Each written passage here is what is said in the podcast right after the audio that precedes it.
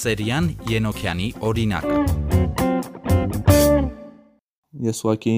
հիմնվում եմ այն կարծիքով, որ եթե ես դրանից ինձ լավ եմ զգում, ես կարողանում եմ օգուտ տալ բնությանը, կարողանում եմ տարբեր ծրագրերով երիտասարդներին հավաքագրել մի թիմում, բոլորին տարբեր մարզերից հավաքել միտեղ ու բոլորը իրենց լավ են զգում ծրագրում մասնակցելիս, դա ես համարում եմ, որ լավ է։ Ընդհանրապես շատ եմ սիրում ճանապարհորդությունը, դա կլինի Հայաստանում, Հայաստանից դուրս։ Հիմնականում ես իմ ազատ օրերին էլ ուղղակի միայնակ կարող եմ բարձրանալ տարբեր անտառներ, ճանապարհորդել ինչ որ հետաքրքիր տեղեր ուղղակի նստել, վայելել այդ բնությունը կամ նկարել մի քանի կադրեր անել ու նորից վերադառնալ տուն։ Էկոխմբակ նախաձեռնության հեղինակ 18-ամյա Սերյան Ենոքյանը բնապահպանական տարբեր ծրագրեր է իրականացնում։ Նախ սկզբում ասեմ, որ նա ծնվել է Ռուսաստանում եւ Սերյանի փոխարեն Սերյան են գրանցել անունը։ Ասում է չի ցանկանում փոխել, այդպես իրեն ավելի շատ է դուր գալիս, իսկ ահա ընկերներն ասում են տարբերվող է Սեր գումարած հայկական Յան։ Բնապահպանական թեմաներով սկսել է հետաքրքրվել 15 տարեկանից, երբ ամառային արձակուրդներին դսեղուն վրանային երորյա ճամբարի մասնակցեց։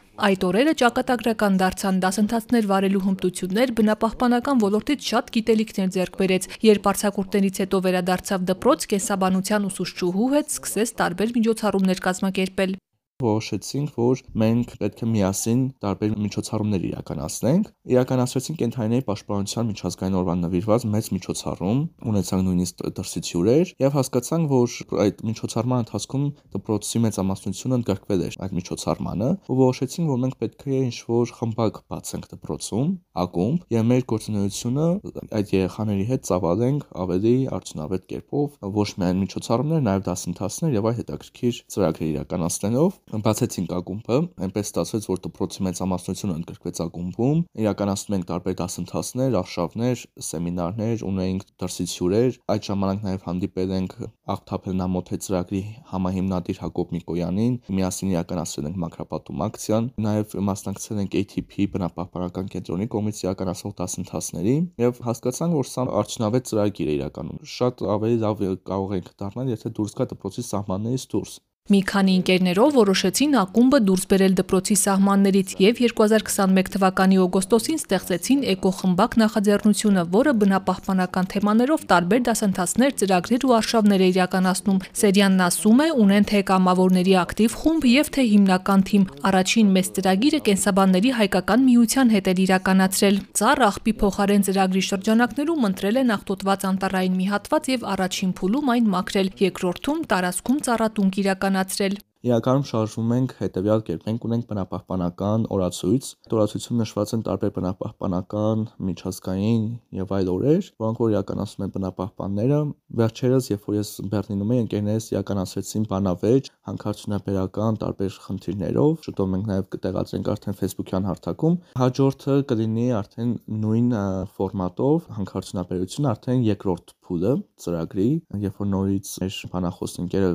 թիմով կներկայանա, կխոսեն, կբանավիճեն, թիմերի կբաժանվեն ու այդպեսի հետաքրքիր ինչ որ մեթոդներով կվարեն իրենց առօրյա օրը։ Նաև նախատեսում ենք ծառատունկ, Վանաձորում իրականացվելու ծառատունկը Խնձորուտ թաղամասում դեպի անտառ բարձրացող հատվածում իրականում այդ մասում շատ են իրականացվել ծառատունկեր, բայց չգիտես ինչի ամեն ծառատունկից 7 օր հետո այդ ծառերը գալիս են նույն մարդիկ, ովքեր որ իբր աշխատում են մարզպետանում, գալիս են եւ հանում են, տանում են այդ ծառքի տնկիները։ Հիմա արդեն մենք կտնկենք ու կարելի ասել ոչ ոք չեն տեղեկանա այդ տնկիների մասին ու չեն գահանի ու հետ մեթոդներ են մշակել դրանք վերահսկելու ձևով։ Հակակցել դա չեմ ուզում բացել, դա կտեսնեք արդեն մեր Facebook-յան post-ի ժամանակ։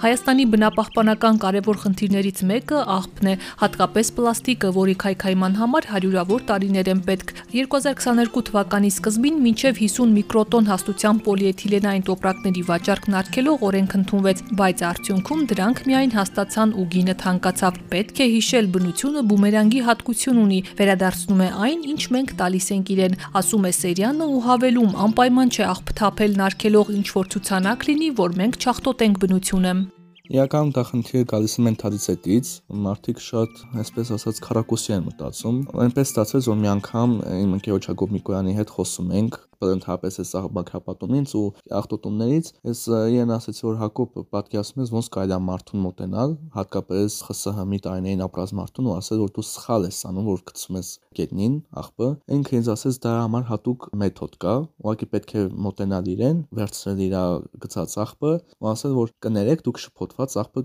նետեցիք հատակին ու ասեց որ այդ ժամանակ ինքը ավելի եւ իրեն վատ կզգա որ գցել է գետնին եւ այսպես իա մեջ մի բան կարթնանա որ որ կստիպի իրեն էլ չգցել հատակին աղբը ու մի անգամ էլ երբ որ երեխաներով ենք դες կամավորներով նստած խոսում ենք բան կամավորներից մեկը ասեց որ ես տանը լավ կռիվ եմ արել ասեցինք ինչ ասեց ես իմ ընտանիքին ստիպել եմ իրենք աղբը առանձնացնեն ու իրականում եթե մենք ուզում ենք որ ամեն ինչ փոխվի նաեւ մենթալիտետը մենք պետք է աշխատենք երեխաների հետ ոչ թե ԽՍՀՄ-ի տարիներին ապրած մարդուն ում փորձես ասել որ դու սխալ ես անում ինքը կստիպի հակառակ որ դա ես ճիշտ եմ անում դու ես սխալը մենք չենք կարող էլի ԽՍՀՄ-ի տարիներին ապրող մարդուն ասեն որ դու սխալ ես որ չպետք է այդպես անես բայց իր երեխան կարող է որովհետեւ երեխան ավելի լավ կարող է բացատրել իր ծնողներին ու իրենք իրենց երեխային ավելի լավ կհասկանան քան մեզ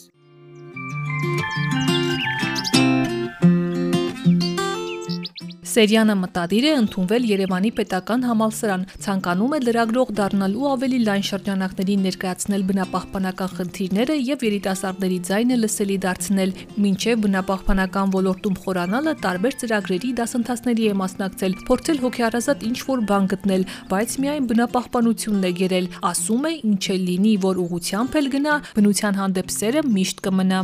Մի քանի ոլորտում եղել եմ։ Մեն առաջի ծրագրի մասնակցել եմ իշխում դասընթացեր կանանց իրավունքների պաշտպանության։ Ես հասկացա որ չէ, սա իմը չի ու դադարեցի ընդհանրապես այդ մասնակցել, ասեցի լավ իմ ես իմ դասերով կլինեմ։ Ու հետո երբ որ մասնակցեցի ճամփային, ասեցի այ այս սա էր իմը, ես անով պետք է առաջ գնամ ու այդպես սկսեցի իմ գործունեությունը։ Ես հապես շատ ոլորտներում եմ ես փորձել հասկանալու համար որն է իմը եւ որը չէ, ու հիմնականում ես որ միշտ կշարունակեմ դա իմ կյանքում, դա բնապահպանությունն է։ Ընդհանրապես ինչ խորհուրդ կտամ։ Փորձեք ձեր շատ ոլորտներում հասկանալու համար որն է ծերը։ Ամենառաջին հերթին դուրս եկեք կոմֆորտ զոնայից, որովհետև երբ որ դուրս են գալիս կոմֆորտ զոնայից, մեր առջև բացում են շատ դռներ ու մեր մտահորիզոն ավելի է լայնանում։ Կոմֆորտ զոնայում միայն մենք ենք ու մեր սեփական եսը, ուրիշ ոչինչ։ Իսկ կոմֆորտ զոնայից դուրս մեզ համար մի մեծ աշխարհ է բացվում, ու այդ ժամանակ ենք մենք գտնում մեր կորցրած եսը եւ պայքարում կյանքի եւ այլ հաջողությունների հասնելու համար։